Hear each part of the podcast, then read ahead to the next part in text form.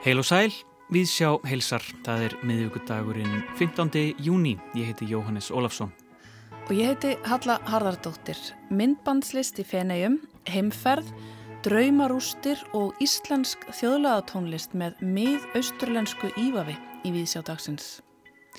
Á plötunni Persian Path frá árunni 2020 renna saman íslensk og írunsk þjóðlaga tónlist í útsetningum tónlistamannsins Áskers Áskerssonar. Undanfærin ár hefur Ásker sótt sinn tónlistarlega innblástur austur til Balkanskaga og miðausturlanda en bakgrunnurinn er öllu hefðbundnari vestrænt pop og rock hér heima. Við ræðum við Ásker Áskerssonum tónlist þessara ólíku menningar heima í lok þáttar. Aðdráttarab verksmiðunar á hjalderi á listamenn er óumdeilanlegt. Staðsetning hennar á jæðrinum hvort sem miðaður við íslenskan eða alþjóðlegan listheim í rústum gamals síldarævintýris sveipar hana ákveðnum ljóma. Hún á þátti að skapa ímynd sem hefð fullkomna listamannarekna rými þar sem að starfseminn er óháð, stigveldi, stopnunum og pólitískum áformum um uppbyggingu. Svo segir í taksta listfræðingsins Margreðar Elisabethar Ólafsdóttur í bók sem er nýkomin út Draumarústir. Útgáfan fagnar tíu ára amali verksmiðunar á Hjalteri og við ræðum við Margreti Elisabetu hér á eftir. Við fáum einnig sendingu frá Fenegjum, hópur nýútskrifaðara listfræðinga, listamanna, kveikmyndafræðinga, list heimsbygginga og menningarmiðlara dvelja nú í Fenegjum og sjáum íslenska skálan á Fenegjar tvíaringum. Næstu vikur munum við sjá berast pistlar frá þessum hópi þar sem þau segja okkur frá tvíaregnum og því sem hæst ber í list heiminum um þessar mundir. Fyrsti pistillin berst frá Eyju Orradóttur, kveikmyndafræðingi. Eyja velti fyrir sér myndbandsverkum á hátíðinni, framsetningu verkana og miðlinum sjálfum. Á myndbandsmiðlinn vel við á hátíð þar sem gestir ráfa um og skoða verk tilvíljónakent og í stuttastund. Við heyrum þær vangaveltur hér á eftir. En við byrjum á leikúsin í dag.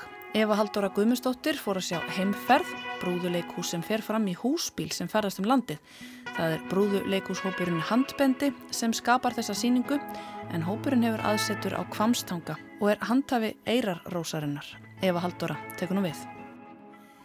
Það er ekki oft sem 34 ára kona og maðurinn skella sér barndleis á brúðuleikúsíningu sér til skemmtunar gefið. Ég er kannski ekki einn almenni áhörfandi vegna mikils áhuga míns á leikhúsi í sínum víðasta skilningi. En samt sem áður hugsaði með mér, ég hefði kannski átt að taka með mér barn í stað mannsins míns. Á leið minna á Akranes að sjá brúðuleiksýninguna heimferð í uppsetningu handbendi vann mér hugleikin saga brúðuleikhúsins. Þetta listform er ævafornd en ég var alltaf hugsað um það sem hlut af alþýðulist en ekki endilega gífulega framúrstefnulegt. Brúðubílinn kom upp í hugan til sætlaminninga, strengjabrúðusýningar á götuhornum í Hollandi og The Muppet Show. En í hugsanaflæði mínu áttaði ég mig á því að ég var að setja brúðuleikus í frekar þröngar skorður. Brúðuleikus getur í raun verið hvað sem er. Að handleika einhvert hlut og láta hann segja áhörundum sögu er í raun einu skilirðin til að brúðuleikusi verði. Hluturinn getur verið brúða eða eitthvað allt annað. Með þaða leiðaljósi gekk ég inn á síninguna. Handbendi brúðuleikus er með höfustöður sínar á kvamstanga en er nú á leikferð með síninguna heimferð.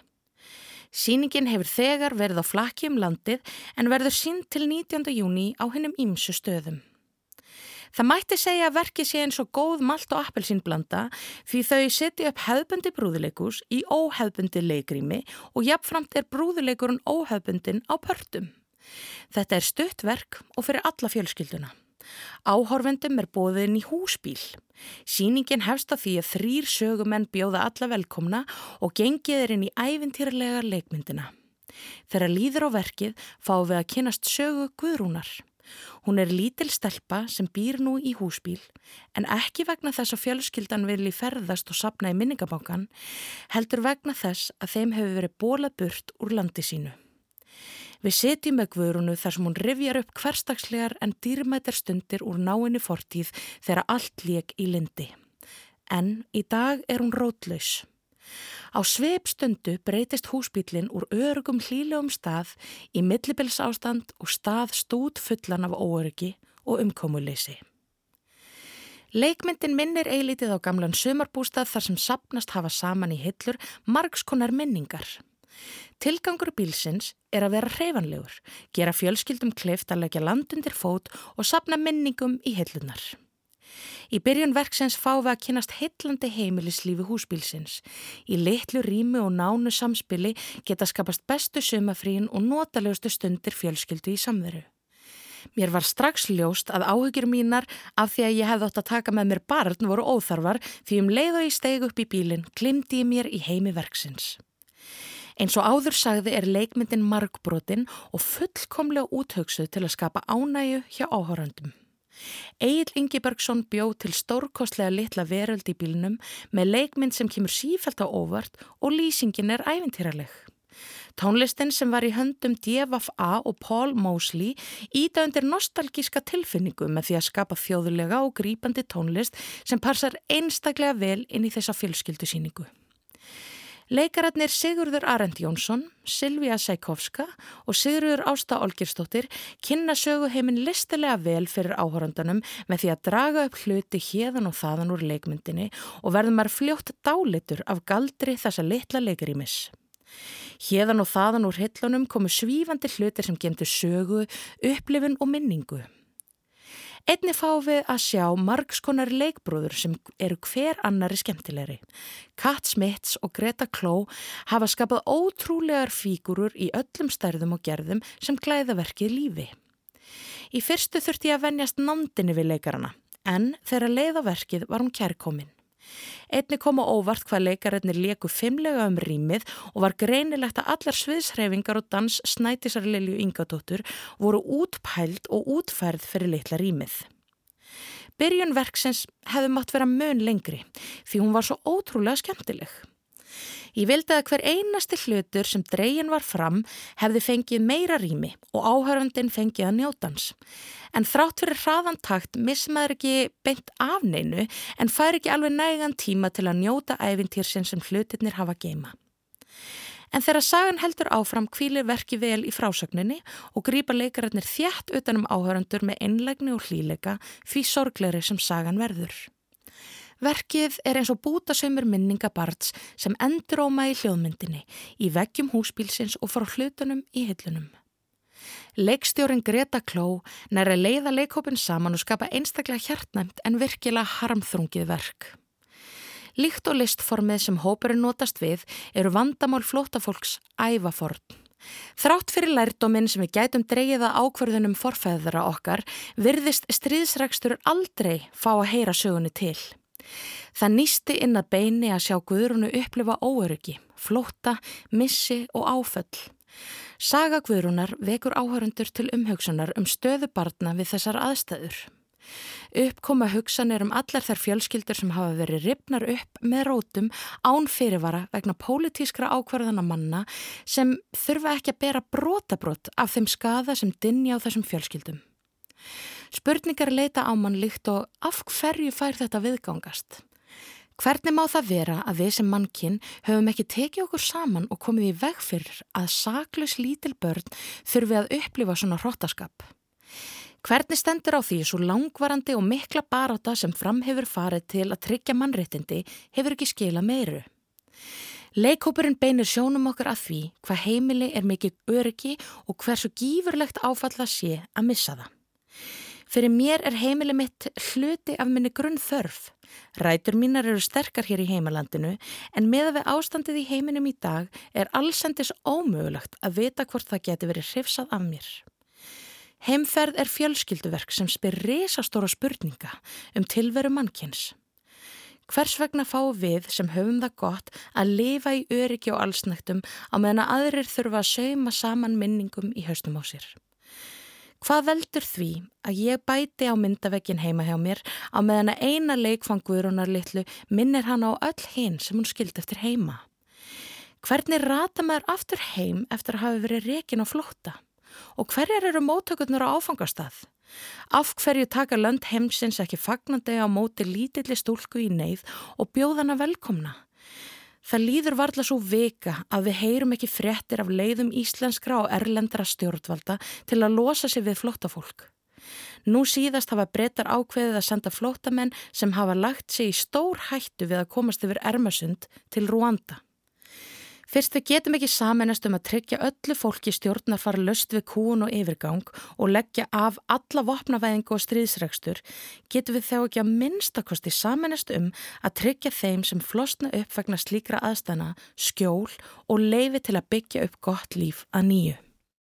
Sagði Eva Haldóra Guðmundsdóttir leikúsrínir um síninguna heimferð en þá höldum við á nýjarslóðir í huganum Norður í Eyjafjörð þar sem gömul síldarverksmiðja hýsir listamanna rekið rými, verksmiðjuna á Hjalteyri. Drauma rústir kallast bók sem að er komin eiginlega glæni úr prentun. Hún kom hérna bara í búðir fyrir nokkrum dögum og Draumarústir fjallar um verksmiðjuna á Hjalteyri sem að er alveg öruglega eitt stærsta listamannarekna rýmið, síningarýmið hér á landi. Í þessari bók sem er mjög vegleg er fjöldi ljósmynda, auk greina eftir fólk sem hefur haft aðkomu að þessari verksmiðju. Margaret Elisabeth Óláfsdóttir, listfræðingur, hún er rittstjóri þessa ritts. Vertu velkomin í Vísjá. Takk kjalla fyrir að hafa mig. Og til hafa ekki með þessa bók. Já, þakka fyrir. Hvert er tilefnið? Já, tilefnið af því að farið var á stað í bókaútgáfu var uppalega hérna það að verksmiðan var búin að vera starfandi í tíu ár árið 2018 og uh, þá langaði hérna Gustaf Geir Botlason sem að ég er farin að kalla hann verksmið stjóra því að hann er rauninni hefur ráðið þarna svolítið lögum og lofum hérna síðustu árin. Uh, að hann langaði til að, að ge, gefa þessu einhverja svona já, hvað maður segja, skjálfesta það sem mhm. að, það, það starf sem að hafi, var þá búið að eiga sér stað og já, þannig það er rauninni tilumnið. Tíu ár. Tíu ár, já. Bókin er síðan í rauninni En Vesmiðan, fyrsta árið, starfsári var 2008, ekki satt? Jú, fyrsta starfsári var 2008 og fyrsta síningin var rauninni hérna, uh, síningin Grasrót sem að nýlistasafnið kjælt út í nokkur ár þar sem að var verið að sína verk eftir unga listamenn mm. og hún var rauninni svo síning var opnið á sama tíma og síning uh, á verkum listamanna sem þá voru tilnæmdil til íslensku myndlistavelunana mm. eða sjónlistavelunana er einni sem voru veitt á Akureyri í þrjú ár mm -hmm. og hérna þetta var alveg bara fimm mínútur í hrun. Einhverju mun eftir því. Og þannig að sagt, þetta fer að stað sem samstagsverkefni í rauninni fjölmargra uh, listamanna bæði í rauninni sem að búa eða dvelja veist hlut af ári á hjálteri mm. og uh, í nágræni við sérst hjálteri og síðan svona hvar, hver hurfu margir til svona annara starfa í rauninni og uh, hafa kannski ekki verið beint virkir þú veist svona formulega virkir í starfseminni uh, síðust ár sem er að hafa, ég menna Hlinur Halsson sapstjóri listsáfsins og Akureyri mm. uh, aðalir Eistensdóttir býr núna Sigluferiði og reykur þar allþýðuhúsið veist, það er svona sem dæmi um hérna, Jónalíf Haldósdóttir sem var formað sím, mm. veist, þetta, þetta er fólk sem var í þessum hópiruninni þannig að hérna, svona, fljótlega svona var það er einni Gústa Geir hérna, eitt þarna orðin eftir eða þannig, sko, þannig lagað, hann mm -hmm. býr náttúrulega rétt hjá, horfir yfir vestmiðina heimann frá sér og hann hefur stýrt þessu og móta starfsemina í rauninni síðustu, uh, síðustu árin. Einmitt. Hann er bara verksmiðstjóri. Hann er svona verksmiðstjóri, já. já. Sko þetta er auðvitað algjörlega magnaður staður. Það vita held ég allir sem hafa heimsóttan, kingimagnaður. Og þarna verður til, það er ekki bara síningarými heldur verður einni til þarna framsækin list.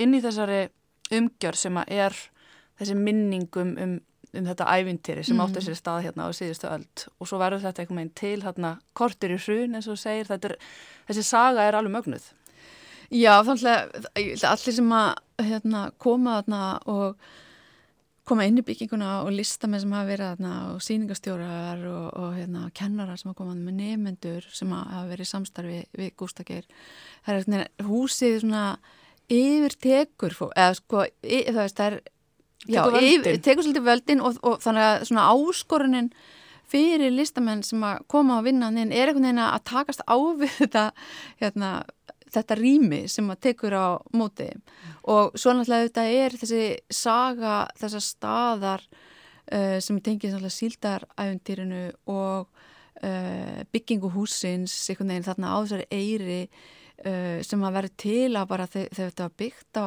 þrejum mánuðum það er alveg bara Já, veist, það. það er ótrúlega hvað er voru sko, bara að lesa um það í blöðum sko, að búið að reysa veist, og hún bara, fú, eins og meðals bara smetla mingum þá komin mörg þúst fermundra versmiða og svo einhvern veginn hrýnur eða allavega, já Mhm. hverfusíldin, við þekkjum þá sögu og, og húsi hefur svona verið nýtt í einhver aðra starfsemi og tíma var hann bara geimsla fyrir eitthvað dót sko Mhm.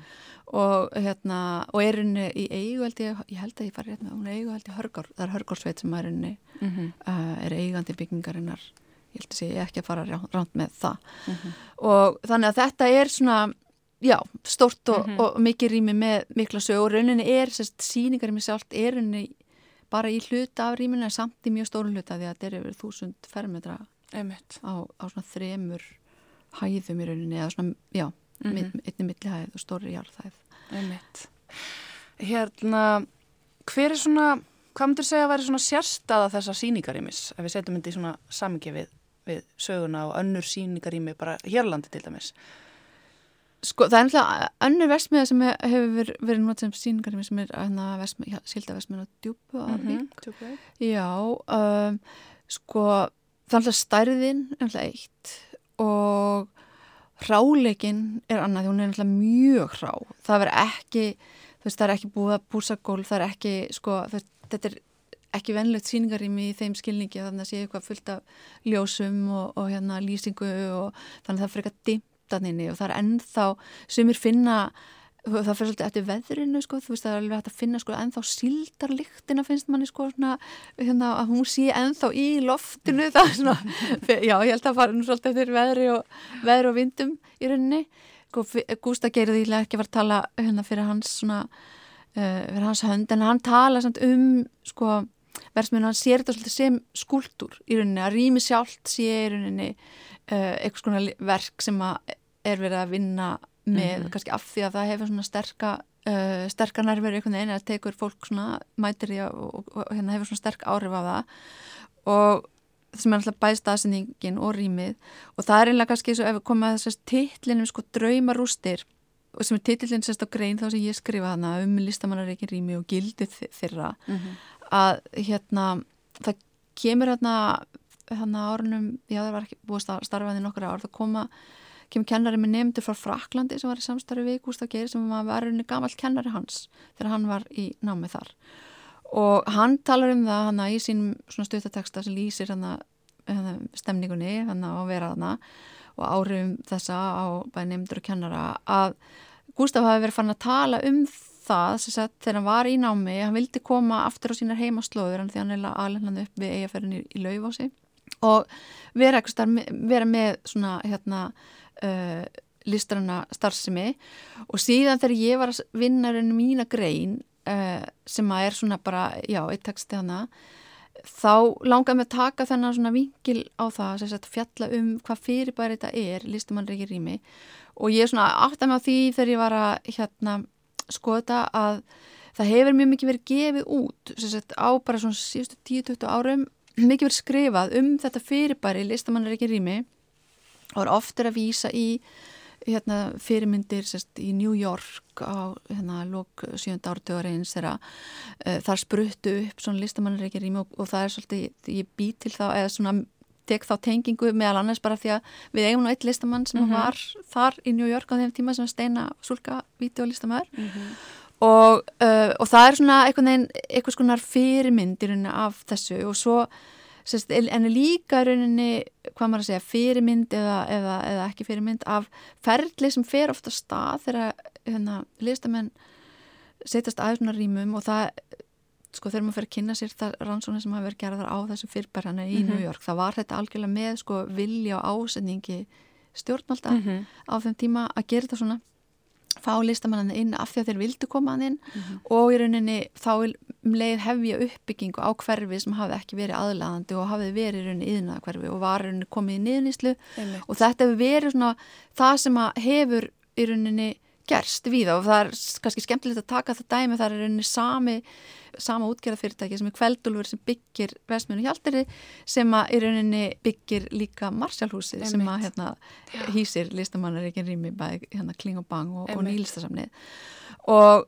það, veist, og það sem er það áhugavert kannski við Vestmjönu Hjaldari og það, veist, þannig verður einhvern veginn titillin til er með það að vegna þess að, að hún, þetta er staðsett bara í ykkur pínu litlu þorpi með bara eitthvað örfáum tuga íbúa og í hörgarsveit þar sem ég held að búi 600 mann sem er og maður er að já þeir eru ekkert að fara í einhverju uppbyggingu á þessu rými til að laða að eða byggja upp eitthvað hverfi eða endur nýja eitthvað hverfi. Þó að ég veit að það menn hafa sínt þessu áhuga þetta er alltaf dýrst að gera þetta þannig að þú veist þannig að hérna Það er ólíklegt að þessi heldrunarvæðing sem þú talar um inganginum eigi sér stað á hjálpteiri. Og, og, og sko þú veist, af því að þeir, í þessu skrifum um þessi listamannreiknu rými og um einmitt þetta sem að kallast heldrunarferðli þegar er fyrir að gera upp hús og, og fínbúsa þau og gera þau svona slétt og fælt, þannig að mm -hmm. þau mhm. svona er sem meira aðlagandi kannski fyrir þá sem er ekki mikið fyrir svona ráleika að, hérna, að já, það sé ólíklegt að það uh -huh. gerir og þá er þá einhvern veginn, þannig þessi draumurinn um þetta rýmið sem að þú ert alltaf með þetta ákveðna frelsi af því að enginn er að sækjast Einmitt. eftir því að, að einhvern veginn svona að púsa þau upp að þannig var, var þetta svona þetta, þetta, hérna, þessi títill draumarústir sko, til að þetta væri einhvern veginn svona að þú getur svolítið fengið að vera þannig í frið sem hefur verið svolítið raunin sko. Þannig er bara ótrúlegt út á að tala um tíaram ef þú veist það eru komið núna 14 já, en, núna, já. en, en meða líftími listamannareikina rýma eru hérlandi tvö ár Já, og það var eitthvað búin að komast að því Já. sem að búin að fara í gegnum hérna, skjálasafnið eða arkífið í, í mhm. nýlistasafninu, mm -hmm. það sem að listamað eru gögnum, mm -hmm. listamannareikin rými á Íslandi, þá er mörg sem að lifa ekki nema í tvö ár. Mm -hmm. Alltaf mhm. undatekningar eins og nýlistasafnið, mhm. kling og bang, Einmitt. en það er, já, af því að þetta krefst alveg ótrúlegs úttalt og seglu og eitthvað neginn Já, það... Og svona já. rými að þau lifi, það eru þetta skilinlegt að svona borgir að sérsagt eins og gerist í New York það var ákveð að styrkja þessi rými já. til að svona leifa gróskun að lifa já. en svo aflegging þess er kannski þessi heldrunarveðing sem það verður til en, en, en það eru þetta ótrúlega mikilvægt að, að þau lifi Þetta er svo mikil viðspyrna gegn einmitt þessari stofnarnavæðingu listarinnar. Listarinnar, já, þú, en það, er alltaf samt alltaf tvíböndirinninni sko krafan eins og maður horfður á nýlistasamni þá, þá var alltaf krafa af tímabili veist, um svona fagvæð, eða sem mm -hmm. fagvæðingu að sé, veist, haldið utanum hlutina á ákveðin átt já. og þeir náttúrulega eru með, veist, sapnegn, það er ólíkt og allt þetta, en það er alltaf hugmyndi með listamannreiknur rýmunum er og kannski fyrst mikilvægi þeirra í þessum menningarlega samhengi er að hérna, þau kannski leifa eitthvað ákveðin starf sem að vera til sem að til dæmis ofinbyrjusöp geta kannski rauninni ekki gert vegna alls konar skildu og hvaða Einmitt. sem að á þeim kvíla og, og hérna á verkefna sem þau þurfa að sinna þannig að þetta er veginn svona, þú veist, já, mikil, mm -hmm. mikilvægt Þetta er ferli sem að um mitt ásir stað í öllum borgum en það sem er svo áhugavert við vesmiðuna sem að er þarna algjörlega á jæðrinum bara bókstarlega mm -hmm. sko þú vitnar um mitt í, í greininu þinni í, í fræðimenn sem er að tala um fullkomna listamannareknarími og hvernig það sé og Vesmiðan á Hjalderi virðist svona passa frekar vel inn í þá mynd. Það er talað um að rýmið eigi að vera á jæðrinum, algjörlega óháð, ekki tæki til heldrunavæðingar, það þarf að styðja staðbundna listamenn en um leið vera hluti af nattrænu tengslanetti sem að þessi Vesmiða sannlega er. Já, það er alltaf eitt sem er alltaf, hann er alltaf mjög metnað fullar síningar, hann hérna Gústakir og hefur átt í samstarfi við bara hún hérna Pascal Castagnó sem að skrifa hérna eina uh mhm. -huh. grein sem að starfar bara fyrir hérna ekki lísta sapn, heldur svona sapna, um, hvað maður að segja uh, stopni sem að kaupur og samna listaverkum í, í Fraklandi og er reikin af franska ríkinu og hún er þar yfir í rauninni kvikmynda uh, og videólista dildinni þar og þau hafa átt í mjög góðu samstarfi og hún hefur komið með mjög flott verk þarna inn. Og svo er kannski líka skemmtilegt að segja frá því að, hérna, að, að það er svolítið síðan að hérna, Paris Steif uh, skrifaði sína grein sem að hún kom hann sem síningastjóri fyrir nokkrum árum í samstarfi við Önnu Ejulstóttur og Þórtis Öldu og, og fleiri og setti hann upp uh, síninguna umhverfing og þá var hún að búsett og, og var að vinna í Metropolitan samninu í New York en hún er núna flutt til Íslands og orðin fórstæmaður hérna, skaftfells á seðsfili þannig að hérna, það var svona þetta er skemmtilegt að hún skuli hérna, Þannig var kveikjan kannski. Já, kannski, sko, hún er alltaf búin að fylgjast vel með gróskunni í íslensku myndlistalífi og, og finnst greinlega spennandi að koma hinga og, og starfa hér. Þannig að Margret Elisabeth Ólarsdóttir, þetta var gaman að fá þig í spjall og hérna rifja upp þessa sögu og hérna bara til hamingi með þessa bók og til hamingi með þessa versmiðu og, og hérna lífið þar. Kæra þakkir og bara takk. Já og úr eigafyrðinum höldum við til Feneja. Eija Orradóttir, kveikmyndafræðingur, allar að hefja nýja pislaröð hér í Víðsjá. Hún hefur setið yfir íslenska skálanum á tvíjaringnum og veltir í dag fyrir sér myndbandsforminu. Myndlistafögnuðir og hátíðir hafa með tímanum opnað arma sína fyrir hennu fjölmörgu listformum. Ekki ósveipað kvikmyndamiðlunum sem saminar fjölmörg listform í einni mynd. Það vilt svo til að það eru þó nokkur myndbandsverk og kvikmyndir á tvíjaringnum í ár. Öll eru þau ólík og þreyfi sig áfram í hvernig best sé að beita miðlinum innan myndlistaheimsins. Myndbandsverkin spanna allt frá klippum undir einni mínúti til kvikmynda í fullri lengt. Sum þeirra móta skúlptura, sum setja svipsinn á andrumslofti fyrir önnu verk í sama rými og sum fylgja hefðbundnu kvikmyndaformi. Ég veldi fyrir mér hvort kvikmyndamiðlinn eigi alltaf erandill gesta sem keppast við að skoða sem mest af list á 59. myndlistasýningu Fenegar Tvíaringsins. Aðalsýningin Mjölk draumana undir sýningastjórn Cecilia Alemanni er tvískipt, staðsett annars vegar í Arsenali og hins vegar í Giardini. Eitt af fyrstu herbyrgjum aðalsýningarinnar í Giardini er The Witch's Cradle. Rýmið eins og tvíringurinn þetta árið heidrar listakonur sem margar hverja falla undir surrealisma eða sýsturstefnur svo sem absurdisma, töfrarunnsægi og svo framvegis. The Witch's Cradle er nefnt í höfuðið á stuttmynd eftir Maya Deren sem er sínd í salnum á samt Hexitans eftir Mary Wingman og Downs of Ekplum eftir Josephine Baker.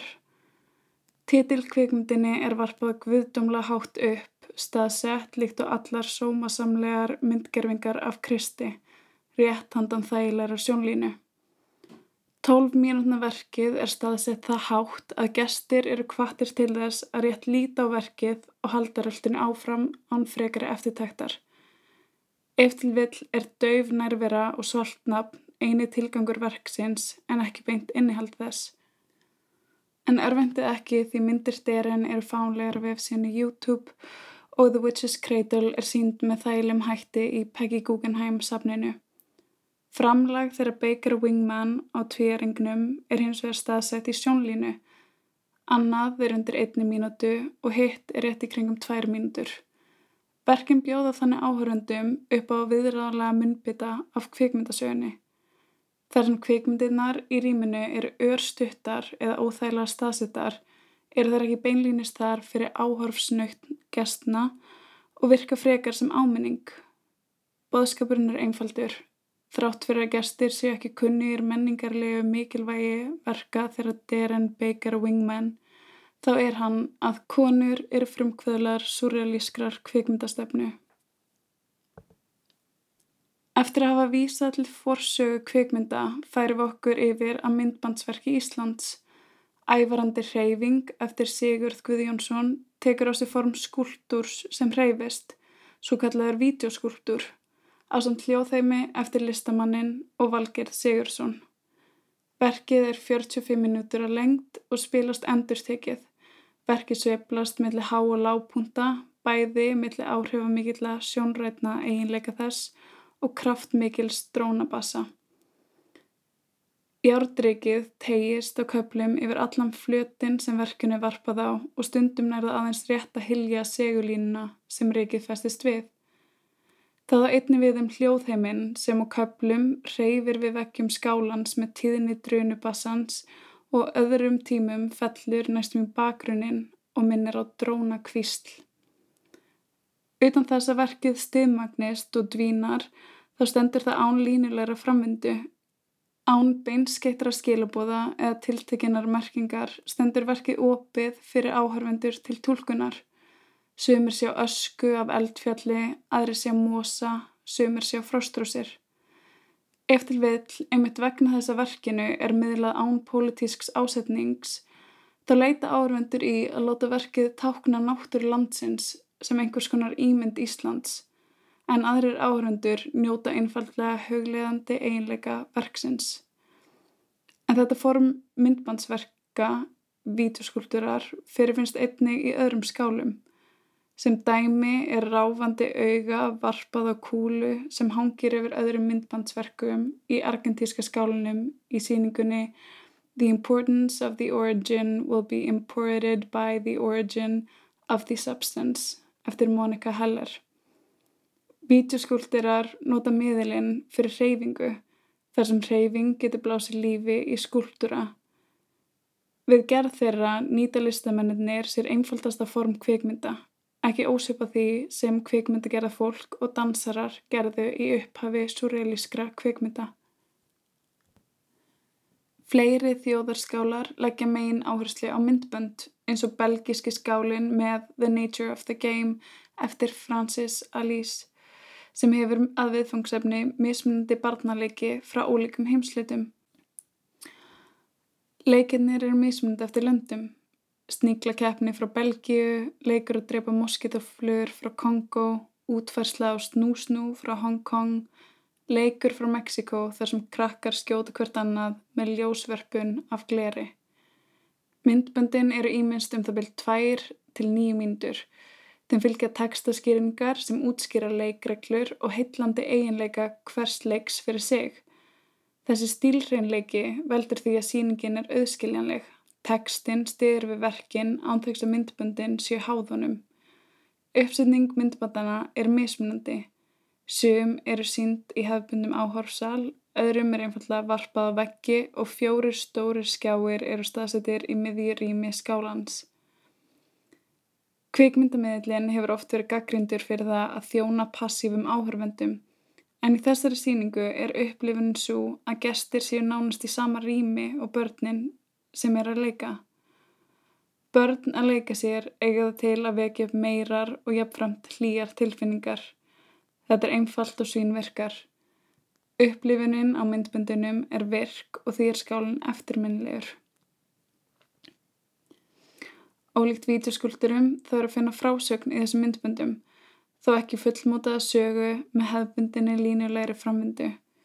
Myndböndin er það heitlandi að áhörvendur freistast til að finna fyrir alþjóðlegu eðli saklisis sem fylgir barnalegjum og þó er ábyrrandi mismunur millir leikja og landa.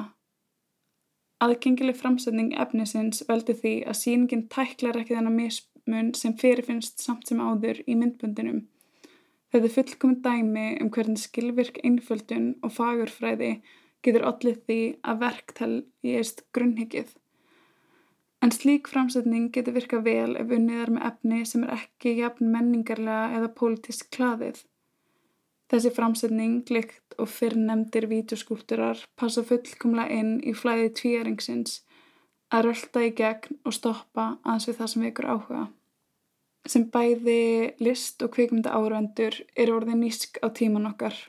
Fáir hafa þraut seguna til að leggja í fimm tíma kvikmynd með ofurhagri framvindu en mörg hver gláp gleipum við heilu þáttaseríunar eins og við höfum fæðist til þess eins. Með takmarkað aðtegli áhörvendu í huga tekur Nýja Sjáland rúmlega klukkutíma 20 myndna myndbandsverk sitt og skiptir þau upp í fimm þætti í Paradise Camp eftir Yuki Kihara. Þættirnir líka oft eftir hýrum raunveruleika þáttum, bæði myndrænt og í tálsmáta, en þættirnir eru settir upp sem spjallþáttur. Með því að skipta verkinu upp í fimm þætti reyðir síningin sig bæð á hefni og lungun áhrifenda til að setjast niður í ákveðin tíma. Þetta er atlaga að því að láta lengra verk passa inn í uppsendingu myndlistasíninga ánþauks að fórna línulegri frásögn innan myndbandana. Tilraunin er aðdönaverð og margir gestir staldra við og gefa sér tíma til að horfa en á mínu mati geta myndbandin ekki staðið einu sér. Megin áhersla síningarinnar er að ávarpa afleðingar nýlendustefnu innan listasögu en hún fréttir einni saman umræði um kyn, kynneigð og umhverfismál. Þetta er heilt haugur á pólitískum umræðefnum sem virkar einhvern veginn í síningunni að hluta til vegna þess að ekki er hægt að aðskilja þessi málefni frá nýlendustefnu og afleðingum hennar en einnig að því að síningin blandar saman mismundi miðlum, sínir ljósmyndir, skjöl, þrývítarlíkan og myndbönd. Í leit minni af bestu uppsendingunni fyrir myndbandsmiðlinn innan tvíjaringsins hef ég komist að því að ofur einföldun frásagna getur allir því að verki lítilækja sér sjálft en einnig að víðal mikil verk þegar kemur á pólitík eða frammyndu eða til að missa margs um leiðu þau missa aðtekli áhörunda. Undarleg uppsetning verks getur allir því að gestir reynlega taki ekki eftir verkinu eða sitji uppi með yfirvofandi tilfinningu að þeir hafi mist af tilgangi verksins. Á hinbógin geti eftirlæti á vídeoskulturum stafað vegna óljósri merkingu þeirra. Það að láta áhörfundur ákveða sjálf hver merking verksins sé er snjált en ef illa er aðfarir gljáir slík afstæða verkum falska dýft. Það er einnig þó nokkrar kvikmyndir í fullri lengd á tvíæringunum í ár. Ég reyna að ímda mér yfir klukkutíma langt verk sem passar inn í ráfandi eðli síningargesta alþjóðlegu myndlistar hátíðarinnar. Ef ég ímynda mér sjónræna veistlu án frammyndu þar sem myndramadnir hanga saman annarkvort með hugleðandi reyfingu hluta eða með sveipuðu stílbræða mynda, þá fellir verkið undir vítuskúltúra. Önnur útfærsla af laungu myndbandsverki sem passar inn í síningarými væri að tengja saman stittri myndbönd sem passa saman vegna gegnum gangandi thematík en ekki söguþræði, ekki ósvipa belgiska skálunum. Hins vegar, þegar kvikmyndin stólar um of á frammyndu eða efnisintak, þá hef ég ekki enn sér kvikmynd sem myndi njóta sín betur á listasíningu en á stóra tjaldinu. Ef til vill er rétt handan við hodnið nýleið til að nota kvikmyndamiðlinn sem passa betur aðteglisbrest nútíma mannsins og eðli myndlistasýninga. Sáði eiga orradóttir stödd í Fenegjum en þá heldum við enn austar allaveg til Íran og heyrum tónlist.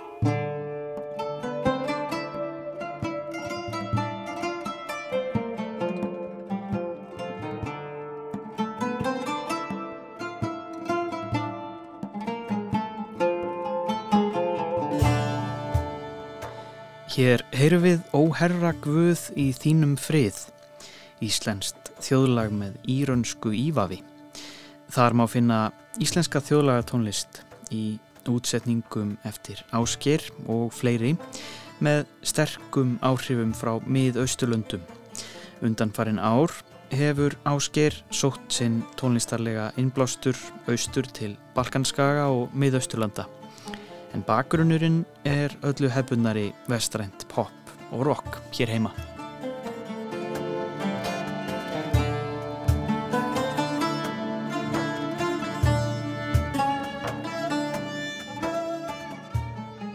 Ásker, velkomin í Vísjá. Takk. Tónlistaráhugin þinn hefur leitað svolítið austar með árónum um, til Balkanskaga og, og miðausturlanda en bakgrunnurinn þinn í, í tónlist er hér heima, hvar, hvar liggja rætunar? Minn bakgrunnur er sko í bara í, í bara pop og rockið, þú veist, ég er upprunlega er ég hérna sjálfmentaður bara gítar, gítarleikari og er náttúrulega aðalega gítarleikari mm. og bara svona laga höfundur eða um, og ég var, semst, var ég einu svona aldamótabandi, það kannski tók fólk fyrst eftir mér, ég semst, var í hljómsveit sem hétt Soldog eða heitir. Mm. hætti þar, þú veist, rétt fyrir aldamót. Samt í meðan slag sem var mjög vinsalt og er ennþá að spila sem heitir Friður. Já, um mitt og svo hef ég bara svona verið þú veist, ég hætti til að fara í framhalsnámi í jazz. Og ég hef alltaf bara verið svona mjög leitandi musikant og mér þótt alltaf spennandi, ég er býtla aðdáðandi mér þótt alltaf spennandi að býtlanir leituðu austur mm. og margir af mínum uppáhalds jazzmusikantum hafa leitað austur og hafa leitað þú veist söður til hérna söð, söður Ameríku og búinlega spennandi músik í söður Ameríku sem er að blanda saman þannig ég hef alltaf verið mjög svona um, mjög áhuga samur um að blanda saman músikstefnum og bara þyrstir í að, að fá eitthvað ný áhrif ég held að það sé kannski bara þráðurinn í gegnum minn feril þannig að og ekkert verið kannski óhrættu við að fara eitthvað stegu sem ekki hefur verið fetuð áður sko Já. bakgrunnum hans fylgir manni náttúrulega alltaf og poppið og rockið að minn alltaf fylgja manni og svo stúdiraði jazz í mörg, mörg, mörg, mörg, mörg ár og, og, og ég held svona þú veist eftir, eftir það svona 2006 þá held ég kannski svona, þú veist, þá, þá var mér ekkert fara að gruna að ég myndi einhvern veginn fara þennan veg sko svo gerist á jazzáttíðinni 2009 að það kemur hérna búlgarskur harmonikuleikari sem að ég beði hennum að spila með og félaga mínir íslensk, íslenskir höfðu verið að spila með. Þannig að ég kemur inn í síðastur inn í það Haugur Gröndal og Erik Kvikk og Þorgur með Jónsson þeir höfðu verið að spila með þessum gaur áður. Og Haugur hafi verið í Búlgaríu og þetta eru svona vinni mínir og, og spilafélagar og, og, og ég er í þessu bandi og síðan eh, segir Borislav þessi harmoniku snillingur við mig að þú veist hvort ég vil ekki bara koma til Búlgaríu og stúdera búlgarska þjóðlaga tónlist mm. og þennan þjóðlaga gítar sem þeir eiga og ég segi bara jújú og, og fekk bara leiðið fyrir á fjölskyldinni og, og fór í þrjáru vikur sko sumari eftir 2010 bjó hjá honum og vinnur hans kendi mér á þetta hljóðfari mm. og, og það alveg, já það var ótrúlega upplifun að, að upplifa það því að veist, við sátum hann í kjallaranum sko bara sjö daga vikunar, einhvern kjallar okkur um tónlistaskóla og ég hugsi við verðum að svona 8-9 klukkutíma á dag sko, hann, hann var alveg piskað með áfram í þessu og, og svo bara kynntist ég mikið af fólki að hana og, og það var þá svona sem að ég var bara hugfangin af af fólkinu líka, ekki bara tónlistinni því að hérna, fólkið er svo hjartlít að, hérna, og það skýn svo í gegn í tónlistinni og það er það sem er held ég rauði punkturinn í gegnum þetta, svona mm. þráðurinn í gegnum mm. þetta að, að hérna, það er svo gaman að fara og svo hef ég farið bara til Greikland og svo fór ég að fara mikið til Istanbul því að Istanbul er, er svona eins og uh, kjarnin í söður, östur evrópski tónlist er Istanbul aldrei svona kjarnin því að ottomannarnir þeir réðu náttúrulega yfir söðu östur Evrópu Nefnt. og þau er náttúrulega gríðarlega áhrif á bara vestræn tónskall líka, þú veist Mozart og, og, og fleiri hérna sem að urðu fyrir miklum áhrifum af tónlist ottomanna og um, þannig að og grísk tónlist verður þeirra tónlist verður til út frá uh, tyrknesku ottomanna hefðinni líka pínlítið og þannig að Istanbul er rosalega söðupottur af menningarströymum svona það, það er ekkit það er ekkert að ósegju að, að, að Istanbul hefur verið kölluð sko hliðmill austus og vestus. Nákvæmlega. Þarna mætast og það er alveg hár rétt og þegar maður kemur að ná, ég er búin að fara að sjö sinnum eða eitthvað og það er þarna sem þetta algjörlega mætist og þetta er alveg einstök borg eh,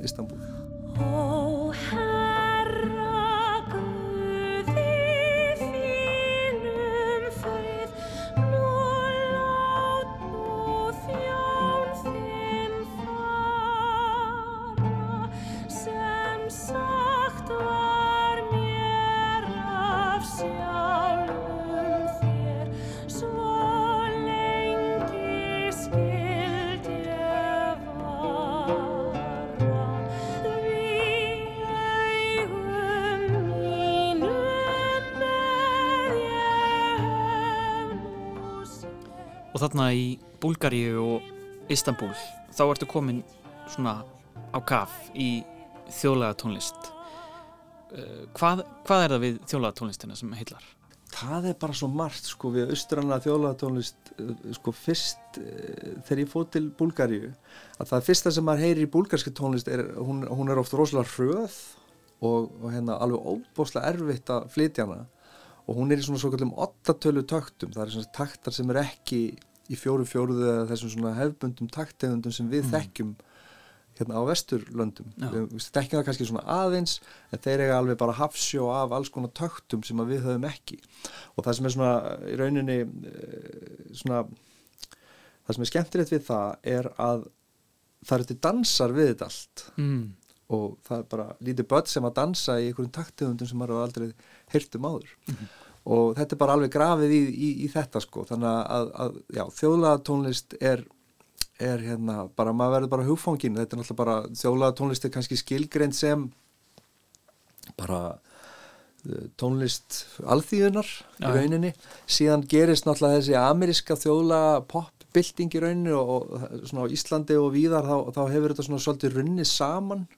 En, en fyrir mér er þetta alveg tvent mjög ólíkt það sem að svona þjóðlega skotið pop er allt annað heldur en svona hérna það sem ég kalla roots music eða svona tónlist, svona rótar tónlist sem er mjög gömul veist, miklu eldri tónlist og margir kalla þetta world music eða heimstónlist Já.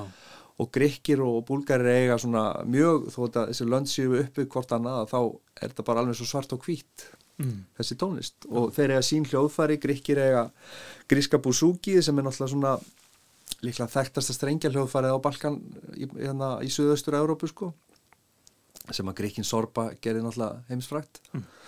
og, uh, og síðan, síðan þegar maður fer enn austar og kemur í samfélag sem eru enn eldri eins og á Tyrklandi að þá kalla þeir sína tónlist, ákveðna tónlist, þjóðlega tónlist en svo kalla þeir ottoman tónlistina classical ottoman music að því að hún er 500 ára gömul og meira svo fyrir til Egiptalands og þá ertu með og Jordaníu og, og Írak og svona þá ertu með arabíska classical music. Þeir tala bara um sem klassíska tónlist og þá ertu með aðra tónlist sem er þjóðlega tónlist, því að hún er í rauninni þessi tónlist er í rauninni miklu miklu eldri heldur en þá klassísku tónlist sem við þekkjum.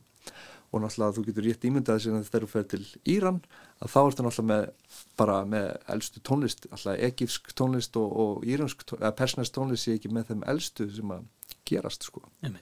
Og það er, það er það sem dregur þið ennu austar Já. og þú fer til, til Íran Já.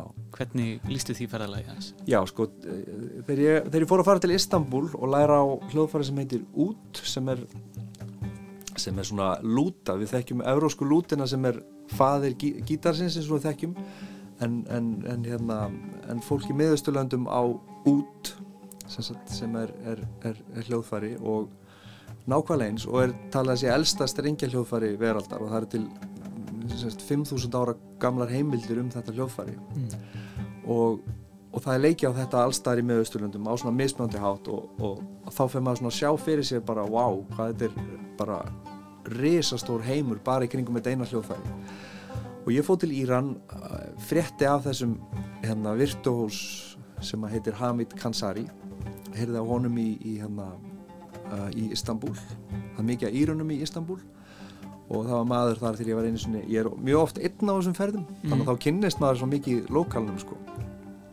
hann segir þú verður að tjekka þessum gæja hérna frá, frá Teheran hann heitir Hamid mm. og hérna, ég fyrir að fletta hann upp á YouTube og, svona, og svo bara byrjaði að spjalla við hann á netinu og, og hann segir ef þú kemur til Íran þá bara skal ég kenna þér og, og bara sína þér persónleikast tónlist svona aðeins bara, sín, hérna, sem að ég og gerði 2018 fór einn flög frá Istanbul yfir til Teheran það tekur þrjá og halvan klukktíma og hérna og var þar með honum í þrjá daga og svo einn í fjóra daga.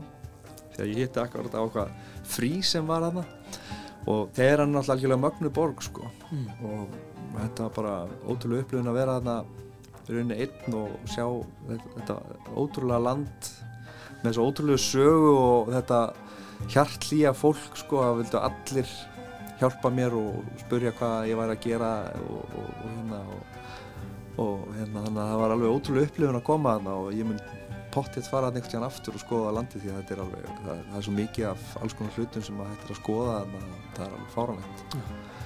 stjórnmál náttúrulega eidilegja allt fyrir írunum í rauninni eins og kannski annar staði líka en uh -huh. það er önnur En tónlistin um, Persian Path uh, er ja, e, e, ein af þessum afurðum af þessari leit mm -hmm. að, að, að tengja saman tónlist, en þú ert líka eins og ert að lýsa þessu, þú ert bara að tengja saman fólk frá, frá ólíkum stöðum heimsins. Algjörlega. Er það ekki svolítið bara leikillin að þinni tónsköpun jú, í dag? Jú, ég held að þú veist og, og bara það er bara þetta, semst ég gerði semst þrjár plötur með íslenskum þjóðlögum þar sem ég samti nýja kabla við lögin að því að íslensku þjóðlögin er ótt frekar stutt. Mm. þannig ég samti svona auka kabla og þess að voru inblásnir af þessu, þessu námi mínu eða þessu, þessari leit sko. Þannig að fyrsta platan ég gerði í Tyrklandi og önnur platan í Búlgari og svo þriðja í Íran. Þannig að ég var búin að hlusta mjög mikið á íranska tónlist þegar ég gerði þetta og vissi bara nákvæmlega hljóðfærin sem ég vildi og, og, og allar þessar þjóðir eiga svona sín sér enginni hljóðfæri mm. þannig að Íranir eiga nokkra gítara sem er í engum öðrum löndum svo spila flestir á út og, og svona margir spila á, á svona svipa slagverk en, en samt eru svona sér enginni á öllum, öllum þessum hlutum í þessum löndum já. sem er mjög áhugavert og já þannig að já ég sagt, tengi íslenska þjóðararfinni rauninni við persneska tónlist sem er þessi bræðingur og þessi plata kemur úr 2020 mm. og til að gefa veist, til að gefa þessum blötum náttúrulega íslenska rödd og þá vald, valdi ég sem Seyri bæði Seyri Tólansson um, um að syngja. Og hún syngur sem sagt mismörg lög, sum lög eru bara leikin og önnu lög eru sungin. Þannig að það eru um það byrja helmingun og lögunum á öllum þessum blötum sem eru sungin. Og öll af henni fyrir utan eitt lag á, á Persian Path sem ég samdi á torkinu fræga Asad í torkinu þar sem bildingin var gerð mm. að, hérna, að það er sem sagt er duett með Agli Ólarsinni og íranski söngunu og þetta gerir maður bara allir við neti sko. ég bara spil þetta heima í kallaranum Já. og hérna svo bara sendi ég þeim þetta og þau spilu ofan á það og svo fæ ég upptökurnar aftur og þá er sungið og þá klára ég mitt mm. og svo er þetta hljóblanda á Íslandi og teknin er svo rosalega að það er að setja bara hljóðfærin eins og þessu í sama rými sko.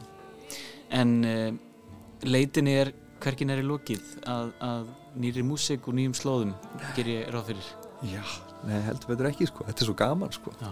þannig að já, já, ég hef vonað þetta að fara til fleiri landa í miðausturlundum og skoða hvað er forveitilegt þar. Já, hvað kemur upp út úr þum? Já. Akkurat. Já. Ásker Áskersson, takk kærlega fyrir komuna í Vísjá og gangið vel í músikinni. Takk. Hér heyru við Asidi Café, tónlist eftir Ásker Áskersson, tónlistamann. Þar syngja þau duett Samin Gorbani frá Íran og Egil Ólafsson. Þarna mætast íslenskur og íranskur tónlistararfur fyrir áhuga sem að verða tónleikar á 50. kvöld í Gamla bíói þar sem fimm íranskir tónlistamenn koma fram á samt áskýri og Sigriði Tólasíus. Já, og á þessum nótum ljúku við viðsjá í dag við Jóhannes Óláfsson og Halla Hardardóttir verðum aftur hér á morgun á sama tíma. Takk fyrir samfélgina og verið sæl. Verið sæl.